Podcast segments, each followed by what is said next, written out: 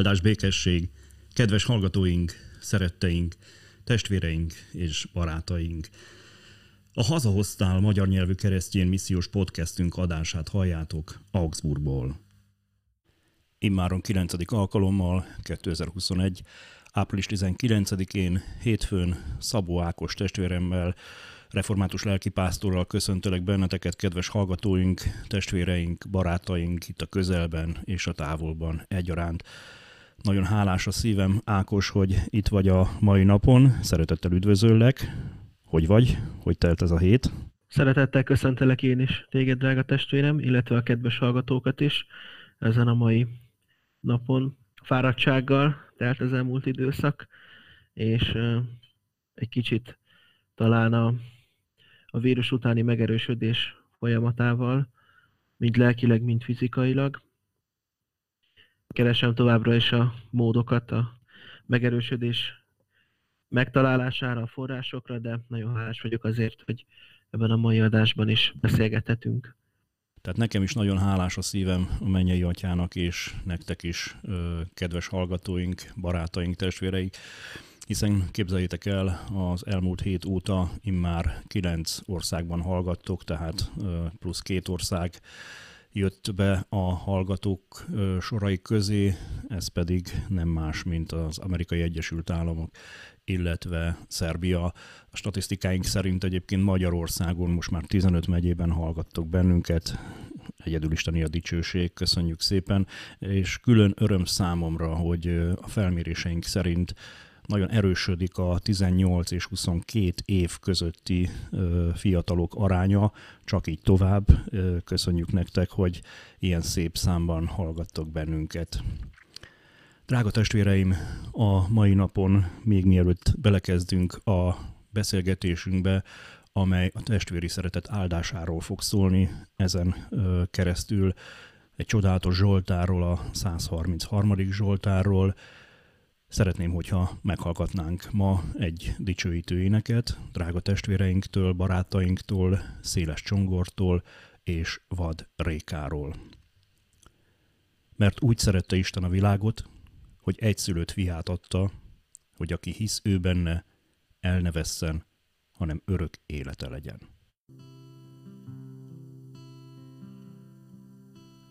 élet hajnalán már gondolt rád atyád, ő tudja jól a sírsz, hát ne szégyed a fáj, mert úgy szeretett Isten, hogy egy szülött fiát, érted áldozta, jöjj ma hozzá, jöjj ma atyádhoz, shine.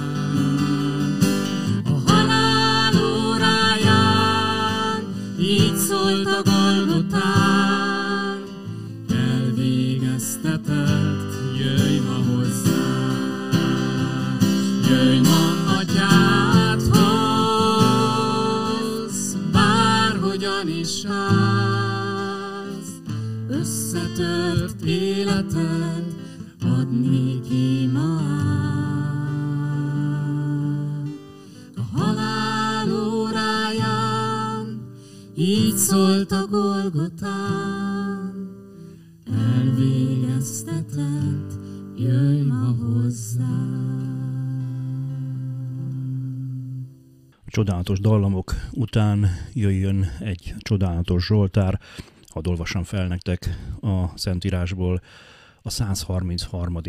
Zsoltárt a testvéri szeretetről. Zarándok ének Dávidé. Ó, mi szép és mi gyönyörűséges, ha a testvérek egyetértésben élnek. Olyan ez, mint mikor a drága olaj a fejről lecsordul a szakára, Áron szakállára, amely leér köntöse gallérjára. Olyan, mint a Hermón harmatja, amely leszáll a Sion hegyére. Csak oda küld az Úr áldást és életet mindenkor. Kedves Ákos testvérem, szeretnélek megkérni, hogy még mielőtt a szeretetről és itt a testvéri szeretetről beszélnénk, egy kis teológiai magyarázatot, alátámasztást adj légy szíves ehhez a Zsoltárhoz, hiszen a drága olaj lecsordul a fejről a szakárra, ez ugye nem egy 21. századi ö, kép, illetve különösképpen Áron szakállára, majd ö, leír a köntöse gallérjára. Talán a leghíresebb kép, amit tudunk ezzel kapcsolatban mondani, az az új szövetségi történet, amikor Jézusnak a, a fejét megkeni a, az asszony olajjal, és ugye a tanítványok irigykedve is néznek rá, hogy hogy van ez, és ugye a, a följegyzések szerint maga Júdás pedig föl is szólal, hogy miért pazarolja el ugye ez az asszony ezt a drága olajat, ezt a drága kenetet Jézusnak a megkenetésére, hiszen eloszthatták volna a szegényeknek is. Ez a szimbólum, és tulajdonképpen ez a szokás, ez egy nagyon régi ószövetségi hagyománynak tulajdonképpen része, amely a, egyrésztről az uralkodót, a királyt, ugye ebből jön a, a mi fölkenetés szavunk is, illetve a adott esetben ugye a, a valamilyen nagy hatalommal rendelkező embernek a megtisztelésére, a hódolatára történt mindez.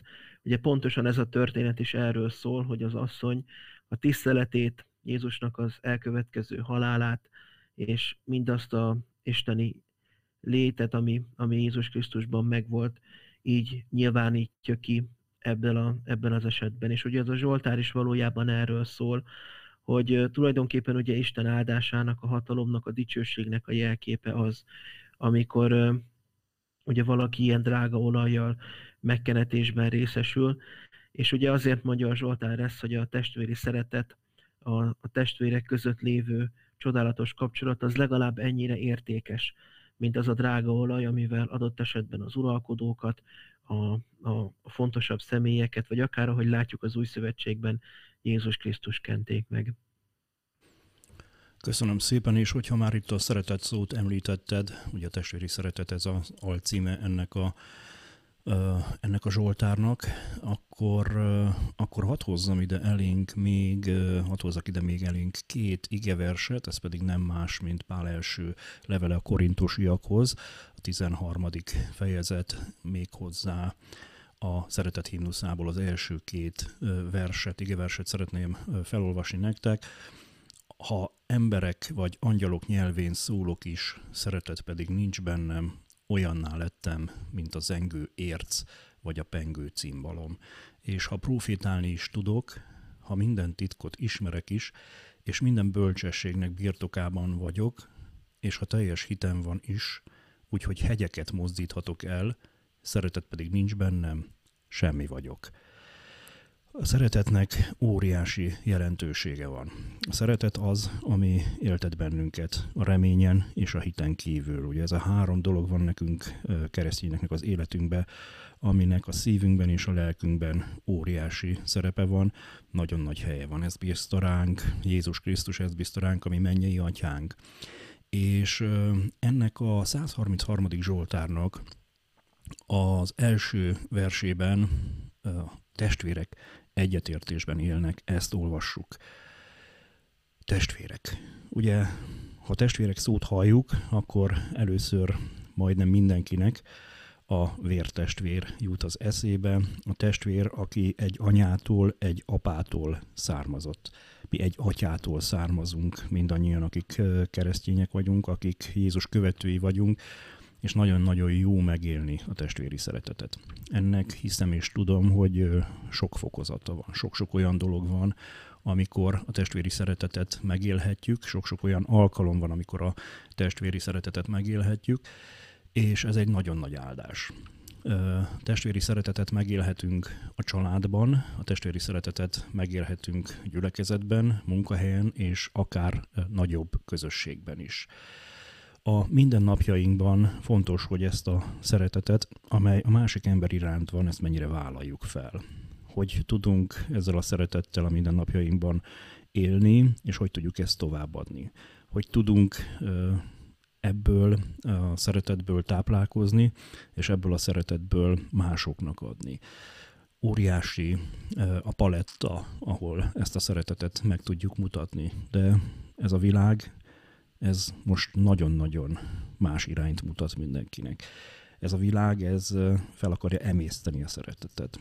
Ez a világ, ez tudja, hogy a szeretet az az egyetlen egy olyan fegyver, Isten fegyvere a jelenlegi ideológiákkal szemben, amit talán először kell felmorzsolni, vagy, vagy éppen lebontani.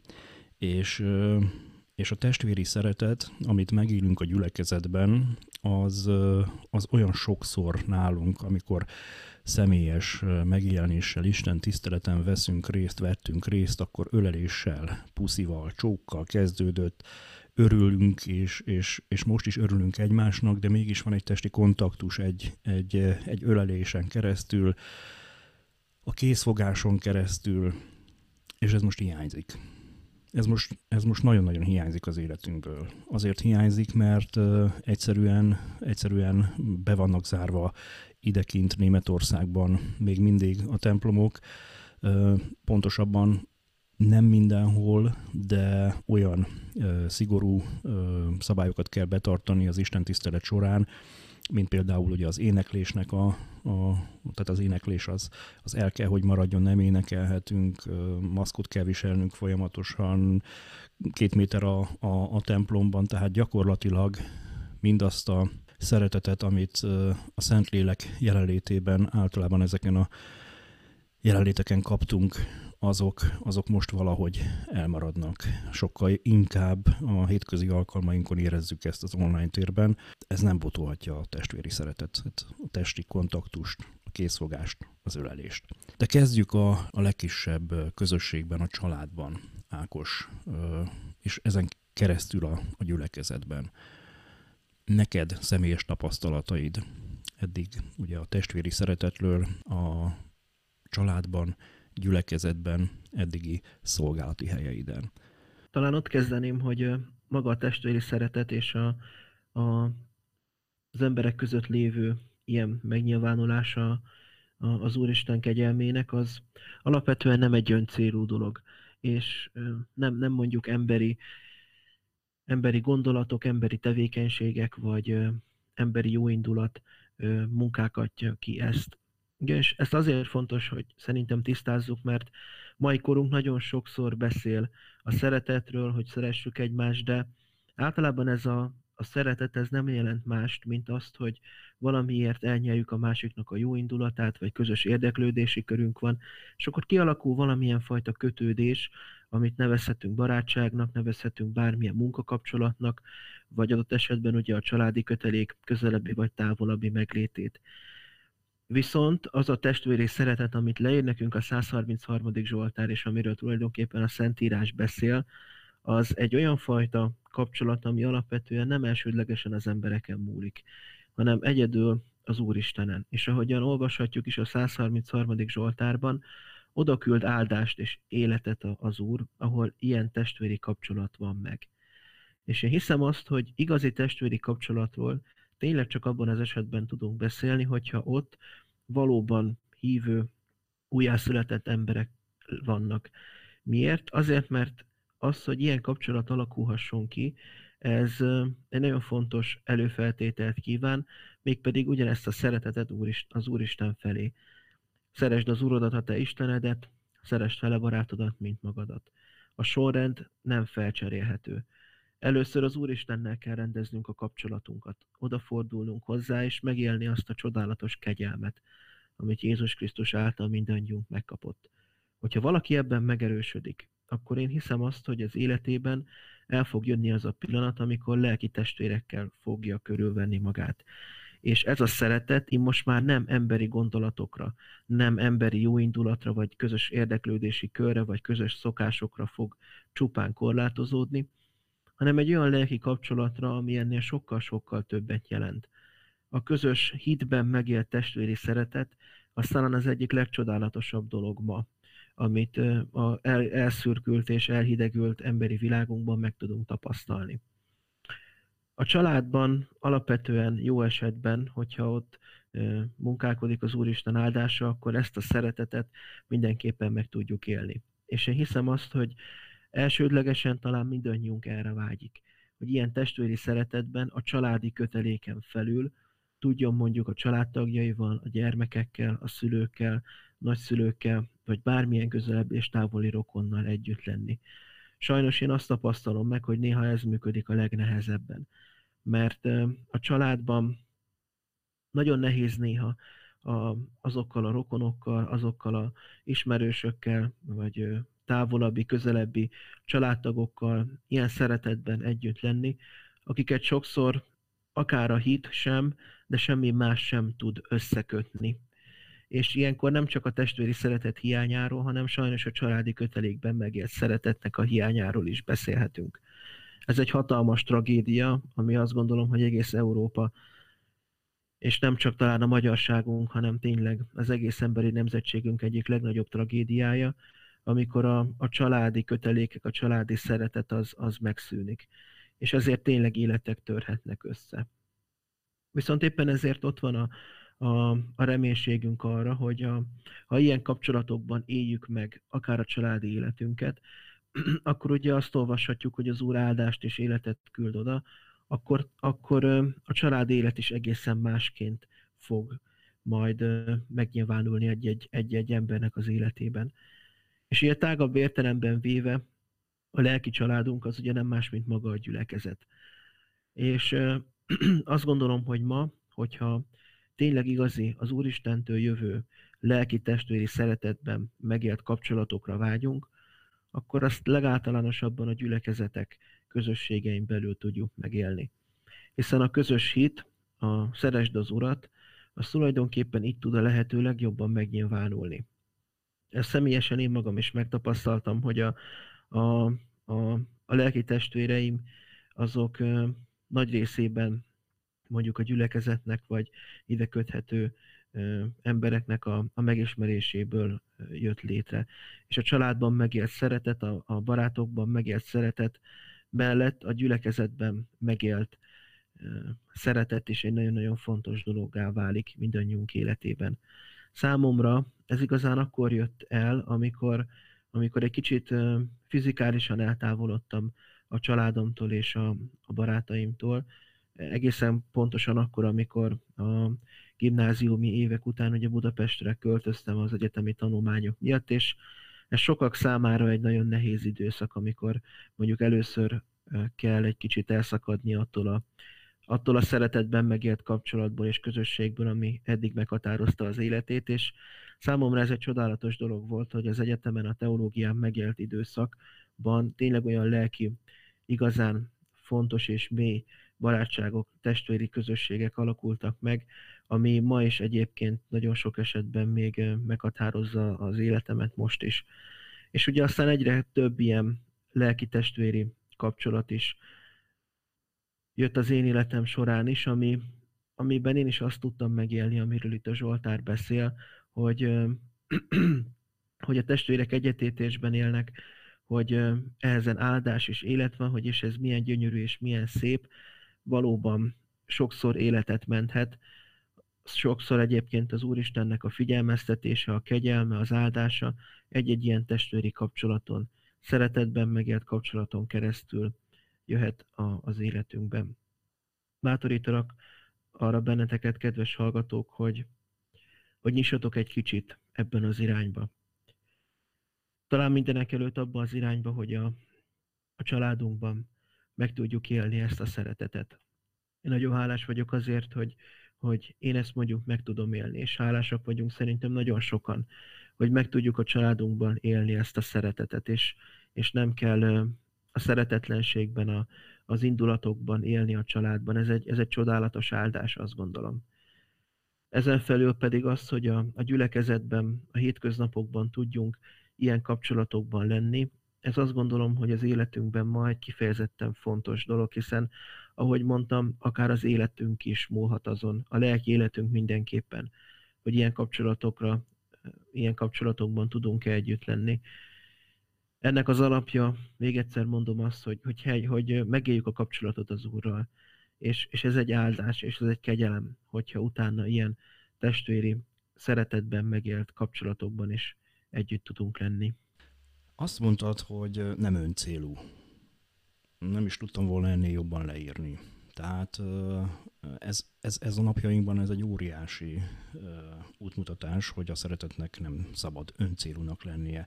Ebből mindig adnunk kell. A testvéri szeretetnek nem szabad öncélúnak lennie, nem is lehet egyébként a, a, a szeretet más, mint, mint, mint egy önzetlen szeretet, hiszen, hiszen, a, hiszen a szeretet nem lehet más.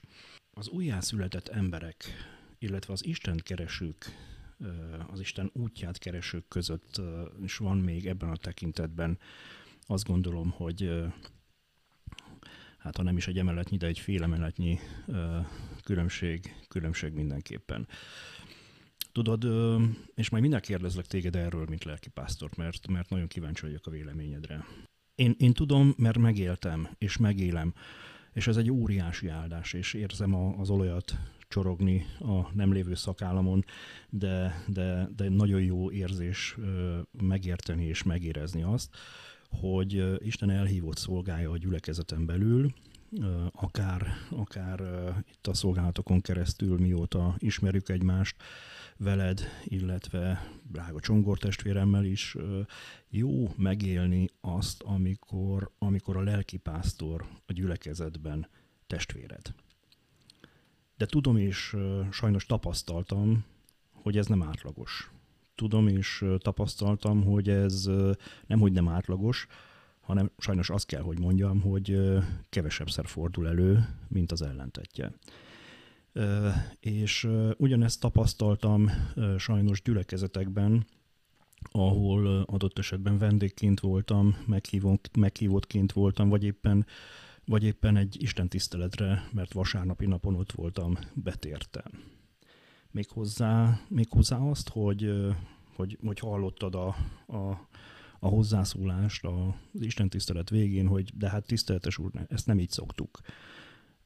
Érezted, hogy, hogy van távolság a lelkipásztor és a gyülekezet tagjai között. A gyülekezet tagjai, és ez pont előkerült ugye ezen a héten példaként nálunk is itt az online alkalmon, hogy adott esetben éppen egy helyen veszekednek a templomba, hogy ide én szoktam ülni, vagy egy párnán veszekednek, hogy, hogy már pedig ez az én párnám, ide ne ülj be. És, és vannak gyülekezetek, ahol ez egy, ez egy csoda, csoda megélni, és én nagyon-nagyon hálás vagyok az Úrnak, hogy mind a két testvérgyülekezetünk ilyen, ahova, amikor bemegyünk, akkor egyszerűen szétárad a Szentlélek szeretete, és ezt annyira jó megélni. De nem tudom, hogy lelkipásztorként, amikor, amikor egy gyülekezetben szolgálsz, amikor egy gyülekezetben szolgáltok, akkor mennyire nehéz ezt a szeretetet megélni, mennyire sokat kell a lelkipásztornak ezért imádkozni és ebbe beletenni, hogy a testvérek részéről megnyíljanak, mert a, anélkül nincs meg ez a kapcsolat, anélkül nincs meg ez a testvéri szeretet, hogyha, hogyha a gyülekezet tagjai zárkózottak maradnak, ha a gyülekezet tagjai nem akarják beengedni a, a te az övékkel együtt az Isten szent lelkébe, amit kiáraszt a gyülekezeten belül, legyen ez templom, legyen ez a saját lelkünkön belül. Tehát hogy éled ezt meg? Igen, először is azt szeretném mondani, és ebben nem a, a, a hívő vagy a, vagy a megtért embernek a, a gőgje vagy a képmutatása szól, hanem sajnos tényleg a realitás, hogy, hogy mondjuk egy közösségben nehéz az Istenről jövő te, testvéri szeretetről beszélni, hogyha az a gyülekezet nem ismeri az Urat. És, és a, akár a lelkipásztornak, akár a, a, a gyülekezeti tagoknak a szívében nincs ott az Úristen. Úgy, úgy nehéz az Úrtól jövő szeretetről beszélni. És sajnos ezt tényleg nagyon sok helyen megtapasztalhatjuk különböző okok miatt számtalan olyan eseményről tudhatunk, hogy egy, egy nagyon lelkes lelkipásztor kikerülve egy-egy gyülekezetbe néhány hónap vagy egy rövidebb idő alatt felőrli magát, mert, mert ezt nem tudja megélni, és fordítva is, hogy egy gyülekezet felőrlődik, mert mondjuk adott esetben a lelkipásztor nem tudja ezt a szeretetet közvetíteni felé. Nagyon nehéz megélni ezt, ebben biztos vagyok, és az én szerény gyülekezetben eltöltött tapasztalatom, hiszen a több időt töltöttem már intézményben és egy középiskolában, mint gyülekezetben, az azt mondatja, hogy, hogy a szolgálatnak egy nagyon fontos eleme az, hogy bárhová is kerüljünk lelkipásztorként, de adott esetben egy egyszerű gyülekezeti tagként nagyon fontos, hogy legyenek ott testvéri kapcsolataink a gyülekezeten belül. Drága tanárom, aki volt a teológián, Nagy István professzor, sokszor mondta nekünk azt, hogy bárhová kerülünk, keressünk magunk mellé testvéreket, és keressünk magunk mellé olyan embereket, akikkel tényleg ilyen kapcsolatban tudunk lenni. Ő mindig ezt a szót használta, hogy ne legyen a szolgálatunk egy ilyen egyman system, azaz ugye, hogy egy ilyen egyemberes szolgálat, mert hogy ennek, ennek sajnos nagyon rossz következményei lehetnek. Én azt hiszem, és azt látom azok közül, a gyülekezetek közül, amiben én is megforgattam, és hát azért Budapesten sok gyülekezetben jártunk. A Pécsi egy év, amikor a Pécskertvárosi gyülekezetben tölthettem el egy gyakornoki évet, vagy, vagy adott esetben a saját gyülekezetemben is azért ezt meg lehet tapasztalni, hogy nagyon fontos az, hogy, hogy hogyan viszonyul adott esetben a, a, a hívő embereknek a közössége és egymáshoz, és ugye a lelki pásztorhoz is, a szolgálatban is, de az egyszerű hétköznapi életben is egy nagyon komoly támaszt jelent ugyanis ez mindannyiunk számára, oda-vissza is, én hiszem ezt. A gyülekezetnek és a, a, a lelki pásztornak is egy nagyon komoly lelki megerősödés az, hogyha tudja, hogy, hogy vannak lelki testvérei a közösségen belül. De nem csak a szolgálatokban, hanem, hanem a hétköznapok terheiben is hiszen talán az egy nagyon rossz kép lenne, hogyha azt állítanánk, hogy a, a keresztények, akik ma élünk hívő emberek, bennünket nem érnek problémák. Pusztán azért, mert hívő emberek vagyunk. Sőt, sok esetben sokkal nagyobb mélységeket kell átélnünk a hitünk miatt, mint, mint egy olyan embernek, aki nem ismeri az Urat. És éppen ezért nagyon nem mindegy, hogy vannak-e mellettünk testvérek, akikkel közösen együtt tudjuk hordozni a terheinket. Nagyon nem mindegy, hogy mondjuk azokkal a testvéreinkkel tudunk-e együtt imádkozni. Mert én szerintem ez is a testvéri közösségnek egy jellemzője, hogy ott imádkozunk egymásért, és imádságban hordozzuk el közösen a terheket. És egy gyülekezeten belül nagyon-nagyon nem mindegy, hogy mondjuk ez mind pusztán a lelkipásztornak a vállán van, vagy mellette vannak olyan testvérek, akik ebben segítenek. Nagyon rossz példákat tudnánk mondani, és lehet, hogy a kedves hallgatók között is ismernek olyan gyülekezetet, lelki pásztorokat, akik megtörnek ennek a szolgálatnak a terhe alatt, holott pedig lehetséges, hogy lett volna lehetőség arra, hogy ilyen testvéri kapcsolatok kialakuljanak. Munkálkodjunk ezen, én hiszem azt, hogy továbbra is ennek a kulcsa az, hogy, hogy meglegyen az élő kapcsolata az Úrral, és onnantól kezdve a testvéri közösségnek a, a kialakulása majd, hogy nem a tényleg a lélek munkálkodásán fog állni, és nem a mi munkálkodásunkon és azért hála Istennek a Szentlélek jobban munkálkodik, mint mi. Sokkal sikeresebben, és ezek a kapcsolatok ott lesznek.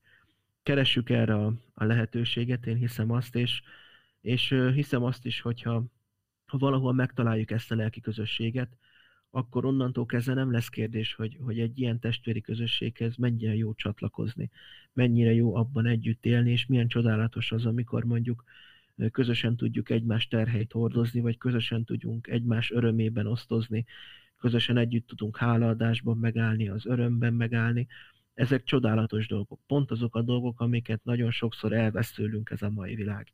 Hogy igazi, őszinte képmutatástól, érdekektől, emberi gondolatoktól mentes, pusztán a szeretetre, Isten szeretetére épülő kapcsolatokban élhessük meg a hétköznapokat, ez egy, ez egy óriási dolog. És lelkipásztorként pedig különösen is néha nagyon-nagyon nehéz ez, főleg egy középiskolában, ahol azért gondolom senkinek nem árulok el nagy titkot, hogy, hogy azért kicsit messzebb a, a, a hívő élettől nagyon nehéz ilyen lelki testvéreket találni, de de mindenek előtt azért én is ezen munkálkodok, és hála Istennek, hogy, hogy az Úr megadja ezeket a kapcsolatokat, és megadja ezeket a, a támaszokat, amiket lehetünk, vagy amik lehetnek így, így egymással, és akár a gyülekezetben, akár a, az iskolában, akár bárhol, bárhol hogyha ha, ha ott van a, a szívünkben ez a vágy, akkor az Úr biztosan fog erre felelni, és, és, és tényleg testvéreket fog mellénk adni.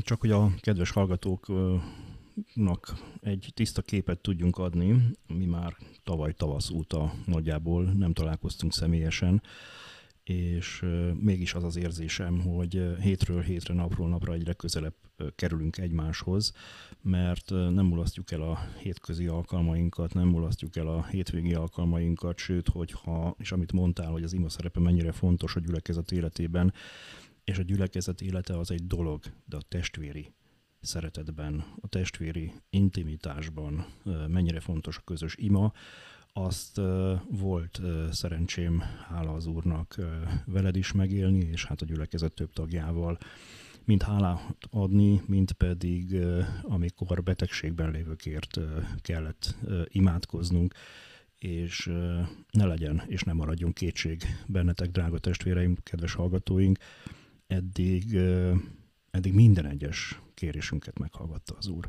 És ezek a bizonyságok azok, amik bátorítanak bennünket, hogy, hogy halljatok is ezekről a bizonyságokról. Mert enélkül a bizonyság nélkül mi is gyengék maradnánk, de az Úr, ahogy itt a 133. Zsoltárban már olvastunk róla áldást, és életet ad oda, ahol, ahol ott van a testvéri szeretet. És az áldás mellett ott van az élet szó. Én ezt tartom a nagybetűs életnek. Hiszen az életet akkor tudjuk megtapasztalni igazán, amikor ami mennyi atyán közelébe vagyunk együtt, testvérenként, testvérekként. Ez egy érdekes dolog, Ákos, amit mondtál, hogy amit kedves tanárod mondott, hogy, hogy keressetek testvéreket. Igen, tehát az embernek keresnie kell a testvéreket, és hogyha keresed a testvéreket, akkor számomra egyébként ez is nagy bizonyság, akkor, akkor az Úr mindig megadja melléd a testvéreket. Ráadásul úgy adja meg az Úr, az ő terepasztalán idézőjelbe úgy mozgat bennünket, hogy mindig a megfelelő időben, a megfelelő helyen találjunk egymásra, és ezek a szolgálatok ezek kapaszkodjanak egymásba. És ezeken a szolgálatokon keresztül alakuljon ki egy testvéri kapcsolat. És ez a testvéri kapcsolat ez át fog csapni, hogyha ez őszinte a szeretetbe. És egy olyan őszinte szeretetbe, ami el fogja nekünk magyarázni, és meg fogja velünk értetni, hogy mi is az a testvéri szeretet, amiről, amiről itt ebben a Zsoltárban is olvasunk. A te szolgálatod az egy, ez egy ilyen kétlaki szolgálat, most ezt idézőjelben mondom, hogy szintén a, a, a hallgatók értsék. Ugye van köztünk most is ezer kilométer, mert Hódmezővásárhelyen vagy a szolgálati helyeden, de emellett gyakorlatilag szíveden és lelkeden viseled az Augsburgi gyülekezet sorsát, és itt is folytatod a szolgálatodat, amire nem tudunk elég hálásak lenni a mennyei atyánknak. Viszont itt a misszióban és a, és a diaszpórában azt érezzük, hogy akik itt elkötelezettek az Úr iránt, azok, azok sokkal nyitottabb lélekkel és szívvel keresik Istent. Tehát nem azért, mert be kell menni vasárnap a templomba, nem azért, mert be kell menni vasárnap az imaházba, vagy, vagy bárhova, hanem egyszerűen azért, mert, mert újjászületettként keresik az Istennel való kapcsolatot. És hogy ez miért más, és én is szeretnék mindenkit megnyugtatni, ez nem egy nagyképű kijelentés akar lenni a részemről, hanem egyszerűen, egyszerűen így van. Azért van így, mert az identitásunk a magyarságunkon keresztül nyilvánvalóan fontos, hogy mit hoztunk magukkal, magunkkal a családban, mit láttunk a családból, mit tudtunk magunkkal hozni, a gyülekezeteinkből mit tudtunk magunkkal hozni.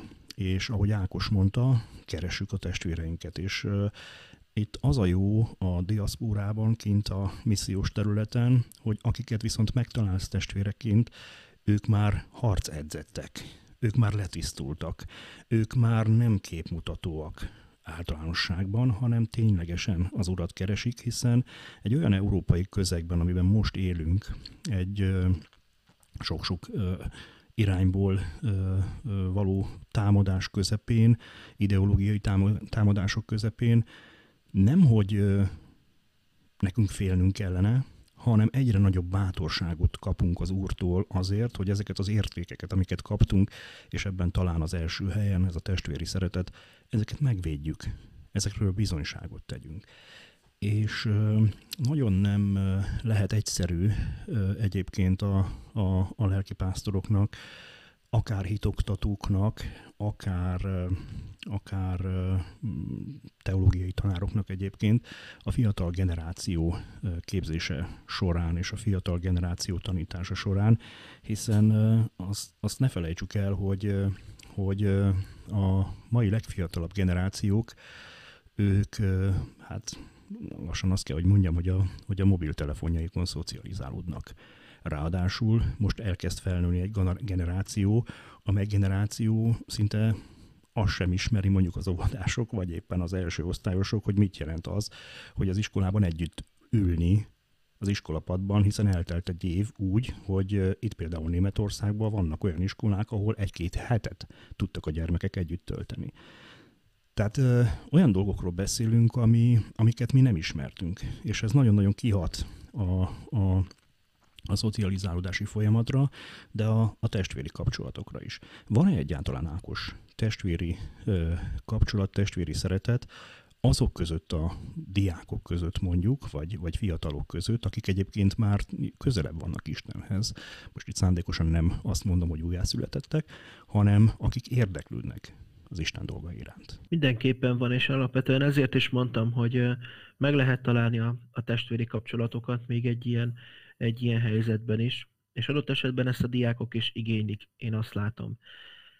Egymástól is, néha tőlünk is, én ezért nagyon hálás vagyok, de azt is lehet látni, és azt is kell látni sajnos, hogy, hogy jelenleg főleg nekik a, a körülöttünk lévő világ azért igencsak bőséges kínálatot mutat abból, hogy, hogy hol lehet mondjuk ilyen kapcsolatokra szert tenni amik lehet, hogy elsőnek vonzónak tűnnének, és, és tényleg nagyon jó, pörgős, nagyon látványos, nagyon jó minden, de ahogy ez kiüresedik utána, valóban ez a kapcsolat is, a kapcsolatok is kiüresednek. Ezért nagyon fontos az, és főként, hogyha hallgatnak bennünket fiatalok is, Szóval nem tudom elégszer hangsúlyozni annak a szerepét, hogy milyen az, amikor igazi kapcsolat van az életünkben hogy milyen az, amikor tényleg egy olyan barátság van az életünkben, egy olyan testvéri közösség, ami, ami nem pusztán arról szól, hogy osztálytársak vagyunk, vagy nem tudom, közösen focizunk, vagy, vagy közösen megyünk bizonyos helyekre, mert hogyha ezek az élmények megszűnnek, akkor ez a kapcsolat kiüresedik. Hova tovább, hogyha elmegyünk egy másik városba, mint ahogy én is tettem mondjuk Budapestre, ezek a kapcsolatok egész egyszerűen megszűnnek létezni. De nem baj, mert hogy helyében jönnek olyanok, amik valóban tényleg az Úristentől vannak. Én erre bátorítok mindenkit, és nem csak fiatalokat, de őket talán inkább, és talán őket leg, legjobban, mert, mert azt hiszem, hogy a fiatal generációt érik ma a legnagyobb kísértések, legnagyobb próbatételek, a kapcsolatok szempontjából főleg, hogy, hogy keresünk és keresetek magatoknak olyan olyan kapcsolatokat, amik tényleg őszinték, képmutatás nélküliek, önös érdektől mentesek, és olyan emberek, akik, akikkel lehet együtt imádkozni, akikkel lehet együtt az Úristen dolgairól beszélgetni, akik el tudják hordozni a terheket, még a legnagyobb terheket is, akik amikor valami probléma van, nem a hátukat mutatják, hanem az összekulcsolt kezüket, szóval ezek a kapcsolatok azt gondolom, hogy életet, és ezt tényleg szó szerint mondom, életet és lelki életet is tudnak menteni. Ezt én is megtapasztaltam lelki mélységem, mélységeim időszakában, hogy, hogy azért volt olyan, amikor egy-egy emberen, egy, egy testvéri kapcsolaton keresztül szólalt meg az Úristen, és, és tette le vissza arra a keskeny útra, amin kellett volna mennünk, vagy legalábbis ugye nem is tértünk rá róla, csak lehet, hogy egy kicsit megálltunk, vagy, vagy nem mentünk tovább előre. Ilyen helyzetekben döntő, hogy van-e az életünkben ilyen kapcsolat, vagy nincsen. És ezt azért mondom, hogy a fiatalokat talán könnyebb ilyen szempontból befolyásolni, mert annyira lehetőség veszi őket körül, és ezt talán a kedves hallgatók is látják, hogy ma egy, egy fiatal, az, hogy mondjuk egy ifjúsági órára el tudjuk hívni, hát ez komoly szervezési problémákat igényel és problémákat hoz elő, hogy a 260 ezer féle délutáni elfoglaltság mellett mikor jut idő arra, hogy mondjuk egy ifjúsági közösségbe el tudjon jönni valaki. Zeneóra van, sportóra van, külön óra van, felkészítés van, külön tantárgyi szakóra, akkor szakkör, rengeteg minden. És azt látom ma nagyon sokszor, hogy fiatalok a, azt az értékes idejüket, amikor kapcsolatokat tudnának kialakítani, és, és tényleg a testvéri közösségben tudnának megerősödni, elpazarolják olyan, olyan dolgokra, amikben semmi épülés nincsen. Csak lehet, hogy pusztán a, a családnak az igénye jelenik meg, vagy az ő saját gondolatuk mentén belevágnak olyan dolgokba, ami nincs áldás. Csak az idejüket veszítik el, és ahelyett, hogy, hogy tényleg minőségi kapcsolatokat építenének ki maguknak, ahelyett mondjuk inkább elmegyünk egy olyan, olyan sport órára, ahol tulajdonképpen sem kapcsolatokat, sem élményeket, sem semmit nem gyűjtünk magunknak, csak, csak tényleg annyit, hogy az időnket el, elvesztegetjük ezzel. Nagyon veszélyes ez, én, azt, én ezt látom, főleg akkor, amikor, amikor valakinek megtörik az élete, vagy másik városba megy el, eltávolodik a, a családtól, barátoktól, és egyedül marad és a, a magányt feldolgozni nagyon-nagyon nehéz, fiatalként főleg. Amikor azt látjuk, hogy a körülöttünk lévő világban pörög mindenki, pörögnek az események, a bulik, a, a, a rengeteg ember tolja föl a képeit a közösségi médiára, hogy milyen szuper, milyen jó, és hogyha valakinek nincsenek ilyen kapcsolatai, nagyon nehéz ebben a világban egyedül lenni ma. Ezért is bátorítok mindenkit arra, hogy éljük meg ezeket a testvéri kapcsolatokat, keressünk testvéreket, és én hiszem azt, hogy az Úristen elé imádságban odaállva meg is fogjuk ezeket kapni.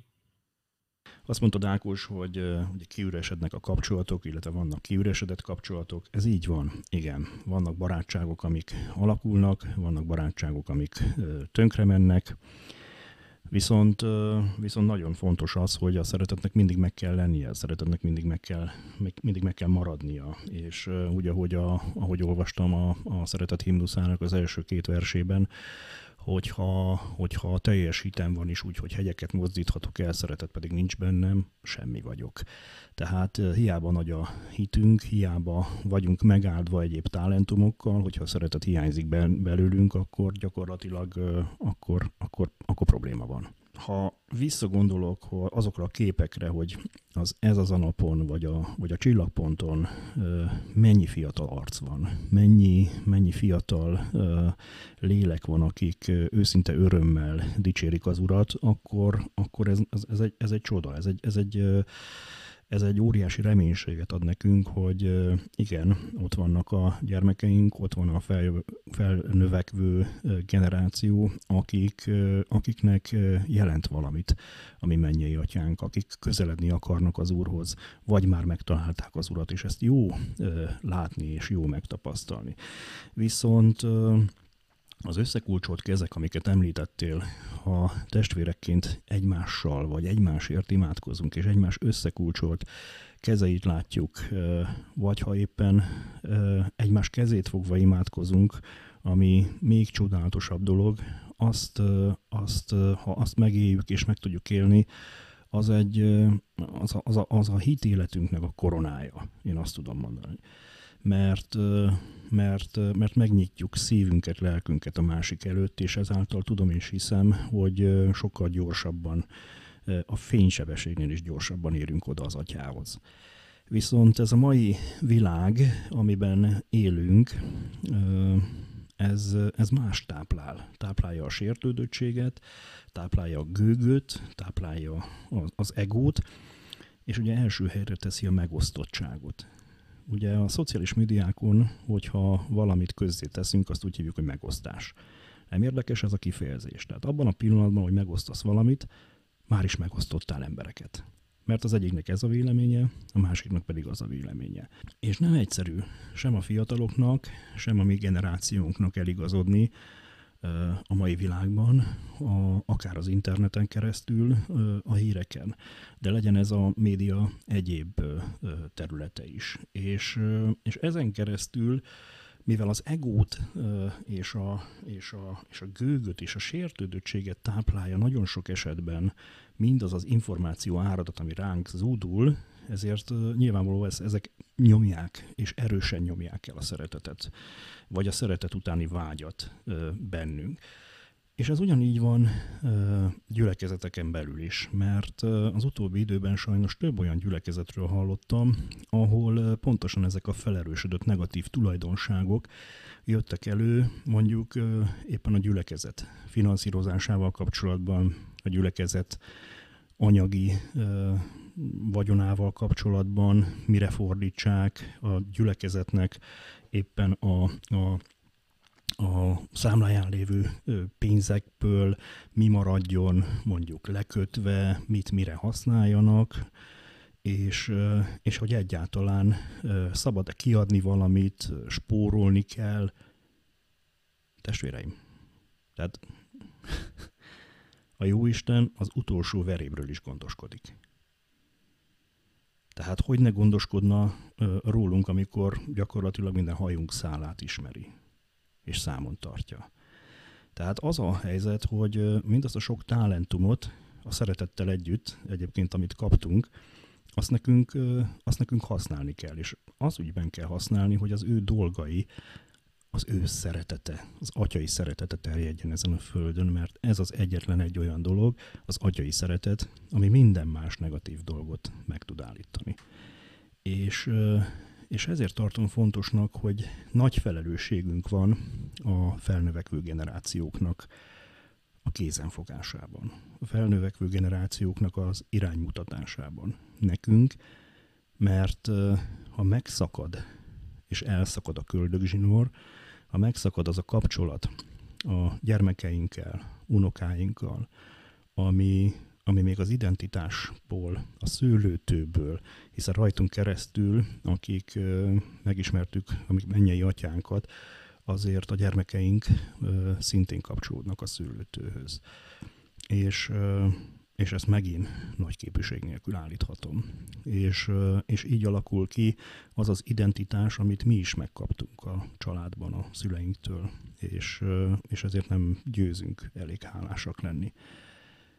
Mekkora esély van arra, Ákos, hogy szerinted mit látsz, hogy, hogy ez az identitás tudat, ez az egyenes irány, ami mennyei atyánk, hogyha fölfele tekintünk, akkor, akkor a felnövekvő generációban ez kialakulhat.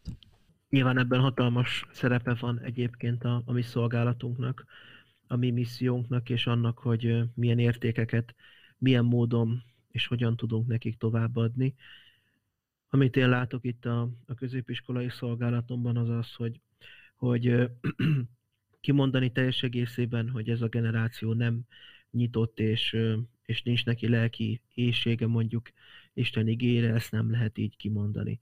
A generációk talán soha nem változtak abból a szempontból, hogy fiatalként mindig, mindig vala, szeretnénk, vagy, vagy szeretnének ugye lázadni, új dolgokat megtapasztalni, megnyílni, stb., de, de azért mindig ott van az a, az a tudat, hogy azért jó volna valami olyan alapot az életünkbe tudni, ami, ami azért átsegít bennünket másik pedig egyértelmű, amiről ma beszélünk, hogy nagyon sokan fiatalként, akik nyitnak ö, Isten felé, azok azért nyitnak, hogy, hogy legyen az életükben egy olyan közösség, ahol elfogadják őket.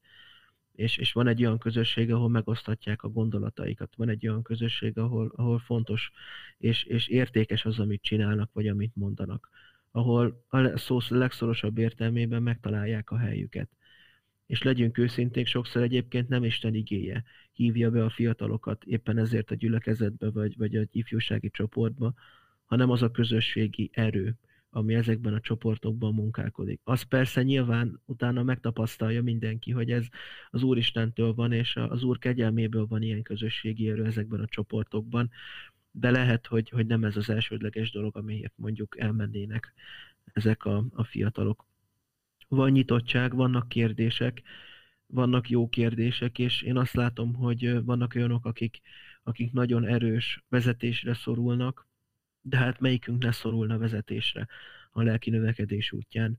Éppen ezért mondom, hogy óriási felelősségünk van szülőként, szolgálóként, gyülekezeti tagként, hívő emberként, bárhogy nézzük, abban, hogyha máshogy nem, akkor csak imádságban hordozzuk a felnövekvő generációknak a hitét, én hiszem azt, hogy az Úristen mindenkit meg tud szólítani, még azokat is, akik a legjobban ellenkeznek ennek, de az, hogy ez mikor fog eljönni, ez, ez lehet, hogy rajtunk múlik. Pont egy-egy olyan kapcsolaton, amikor mondjuk lehet, hogy el tudjuk segíteni a, a barátunkat, vagy, vagy azt, akivel nagyon jóban vagyunk, vagy a családtagunkat arra, hogy, hogy Isten ígét még jobban megismerjék. Én hiszem azt egyébként, hogy, hogy például ez egy jó eszköz erre, hogy például Magyarországon rengeteg egyházi iskola működik, és, és például református iskolákban is nagyon sok fiatal tanul. Az már a szolgálóknak a, a, a felelőssége, hogy ezekből a fiatalokból hány fog utána egyáltalán az elvetett maggal távozni, mondjuk az iskolából vagy az intézményből. És arról még ne beszéljünk, hogy hívő emberként vagy gyülekezeti tagként fog elmenni, mert minden bizonyal nem, ne, ne átassuk magunkat. De az elvetett maggal azzal távozhat. És mondjuk az én szolgálatomban is, meg sokunk szolgálatában is, ez már egy óriási eredmény. Hogy valaki úgy megy el mondjuk egy egyházi iskolából fiatalként, hogy ott van benne a mag. Ami lehet, hogy majd 5-10 év múlva fog teljes egészében termést és gyümölcsöt hozni, de az egyházi iskolák ebben egy hatalmas eszközök lehetnek, hogy egyfajta alapot, egyfajta, egyfajta biztonságot nyújtó alapot tudnak mondjuk a fiataloknak a, az életébe képezni. És hát nyilván a másik, ami nagyon fontos, az a gyülekezetnek a közössége, ahol, ahol felkészültnek kell lennünk ahhoz, hogy pont azokat az igényeket, amik mondjuk a közösség szempontjából fiatalokban ott vannak, azokat mondjuk a mi közösségeinken belül találják meg, és ne mondjuk valamilyen értéktelen, vagy éppen esetleg rossz értéket képviselő közösség tagjaként. Ebben nekünk óriási felelősségünk van, és imádságban, szeretetben, az saját eszközeinkhez mérten kell ezeket a fiatalokat hívni, befogadni, és, és utána imádságban, szeretetben hordozni. Örülök, hogy a beszélgetésünknek most így a súlypontja kicsit áthelyeződött a fiatalokra, mert nagyon-nagyon fontosnak tartom, hogy beszéljünk róluk is, mert olyan, olyan sokszor is én örülök, hogy, hogy elmondtad, hogy, hogy egyszerűen nem lehet kimondani, hogy ők ne lennének nyitottak ezekre a dolgokra, mert ugye sokszor azt gondoljuk, hogy, hogy igen, tehát amit, amit hallottunk mi is régen, ugye a szüleinktől, nagyszüleinktől, hogy bezzeg az én időmben. És, és én örülök annak, hogy, hogy ezt előhoztad, mert, mert én is ezt látom. És még egyszer mondom, tehát amikor olyan képeket, olyan videókat, olyan cikkeket látok, olvasok, hallgatok, ami, ami, ami látom, hogy, hogy, hogy mennyi fiatalt megmozgat, akkor, akkor egyszerűen virágzik a szívem, és, és, és hálás vagyok ezért az úrnak hadd kanyarodjak ide egy pillanat erejéig, mert, mert ugye a fiatalokban a, a szeretet, a, a gyermekekben a szeretet, az, az mindig sokkal önzetlenebb, mint a felnőttekben, mert az még nincs megmérgezve. Az még, az még olyan, olyan, olyan tiszta, sokkal letisztultabb még, hiszen, hiszen mi felnőttek, mi már azért nagyon sok rossz dolgot megtapasztalunk, megtapasztaltunk az életben. Természetesen vannak egyébként olyan gyerekek is, akik nagyon-nagyon korán az életben megtapasztalnak sok-sok rosszat, de mégis az ő szeretetük az azt érzem, hogy, hogy nyitottabb és őszintébb. Ha most egy picit oda kanyarodhatok arra, és akkor talán majd itt az utolsó gondolatokat beszéljünk erről is, vagy az utolsó gondolatokkal kapcsolatban beszéljünk erről is, hogy, hogy ugye a, a, a, a mi hitéletünknek és liturgiánknak és a hitéletünk megélésének vannak különböző dolgai, legyen az Isten tisztelet, legyen az a, a illetve alkalmai, nem is dolgai, legyen a, a, a hittanóra és, és különböző alkalmak. Ugye van egy szó a hitoktatás, ettől, ettől úgy mindig olyan kicsit ellentétes érzéseim támadtak régen, hogy vajon a hitet azt lehet-e oktatni, mert nyilván igen, de mégis aki ezt hallja, ugye sok-sok kérdés felmerül benne, vagy, vagy, vagy a hitet csak meg lehet élni, miután ugye megtapasztaltuk az újjászületés örömét, és ezen keresztül, ezeken az alkalmakon keresztül nagyon sok éneket ismerünk meg, református énekeket, dicsőítő énekeket. A fiatalok ugye sokkal jobban és sokkal érzékenyebbek a zenére, és sokkal jobban szeretik ugye a, a, a zenei élményeket megélni, és hát nyilván ezen keresztül azért a hitéletbe bekapcsolni őket talán egyszerűbb. Hogy látott ezt a fiatalok esetében? Hát, hogyha olyan a közeg, és mondjuk adott esetben, ahogy mondtad például a, a zenei világgal, vagy egyáltalán a hang, hangulattal, azzal, hogy milyen légkör mondjuk, uralkodik mondjuk egy gyülekezetben, azzal nagyon sok fiatalt meg lehet érinteni, és meg lehet szólítani. És ennek tényleg nem, nem, nem nagy a, a, a dolga, és hogy nem egy nagy kihívás, hiszen én hiszem azt, hogy az a gyülekezet, ami tényleg a, az Úristen igéjéből és a, a, a kegyelemből van, és hogy ott tényleg testvéri szeretet van, akkor ez egyértelművé fog válni mindenki számára, akár legyen fiatal, akár idősebb, hogy amikor belép ebbe a közösségbe, akkor azt mondja, hogy ide jó tartozni, és ide én szeretnék tartozni.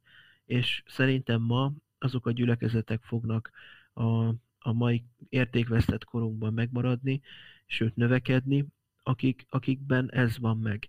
Az Úristen testvéri szeretete, meg, meg egyáltalán ez a, a, az Úristennek a, a munkálkodása, ami annyira látványosan ott van a egy-egy gyülekezet életén. És persze ennek nagyon sok része van. Például mondjuk a zenei élet, hogy hogy mondjuk egy, egy lélekből jövő dicsőítésnek, vagy egy lélekből jövő bármilyen dalnak, közös éneklésnek akkora ereje van, ami, ami tényleg nagyon-nagyon nagy megerősítésekhez vezethet el bennünket.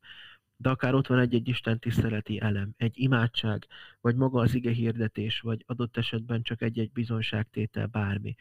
Hogyha abból az jön le, hogy itt tényleg az Úr munkálkodik, és ebben lelki megerősödés van, és ide jó bejönni, és ide jó tartozni, akkor én hiszem azt, hogy ez nagyon megszólító lehet fiataloknak is, idősebbeknek is, mindenkinek is. És valahol talán ez minden közösségünknek a célja, hogy, hogy ezt éljék meg az emberek. Az átlag emberek, akik lehet, hogy nagyon távol vannak Istentől, de valamilyen oknál fogva eljönnek majd, hogyha erre lesz lehetőség a közösségeinkbe, a gyülekezeteinkbe, ilyen lelkülettel tudjuk megszólítani őket. Köszönöm neked ezeket a gondolatokat, és így az adásunk végén, hiszen ismét ilyen gyorsan elment, elrepült egy óra, egy néhány gondolatot szeretnék a hallgatókra bízni, és aztán majd megkérlek téged is, hogy szokásunkhoz híven engedelte is egy-egy gondolattal a hallgatókat a következő hétre. Tehát ami nekem ebben a beszélgetésben így megmaradt az, hogy tartsuk a kezeinket összekulcsolva mindenképpen, és, és a sértődöttséget, a gőgöt, a sok-sok negatív tulajdonságot, azt, azt ne keressük, azokat tartsuk kívül, az ajtón kívül, tartsuk a szeretetet a szemünk előtt, éljük meg testvéreinkkel azt, hogy milyen, ha virtuálisan is most jelen pillanatban, de kézen fogva egy irányba menni és fölfele nézni, és, és ha valamit megosztunk, akkor tudjuk azt, hogy megosztóak leszünk, de az a szeretet, amivel a jó Isten, ami mennyi atyánk elengedett bennünket, az maradjon meg bennünk.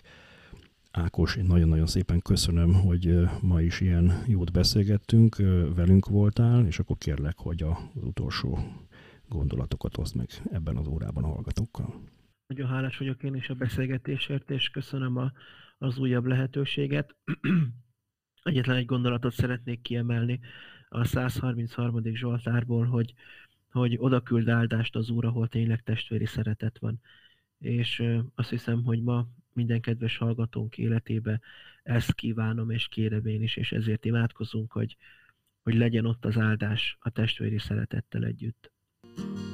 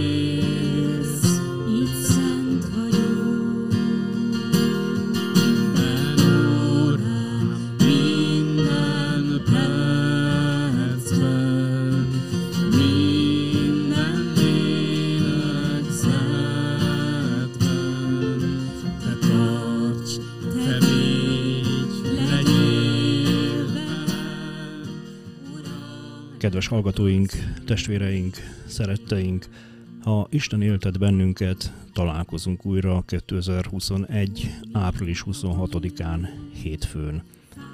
Addig is hallgassátok Isten igéjét itt a csatornánkon, amely naponta reggel 4 órakor jelenik meg. Elértek bennünket az Anchor FM-en, a Spotify-on, a Google Podcast-en, a Breakeren, a Pocketcast-en és a Radio Publicon. Kövessétek Facebook bejegyzéseinket, illetve a Twitter oldalunkat. Legyetek áldottak, teljetek meg a szeretettel, a békével és az élettel. Isten áldja benneteket! Minden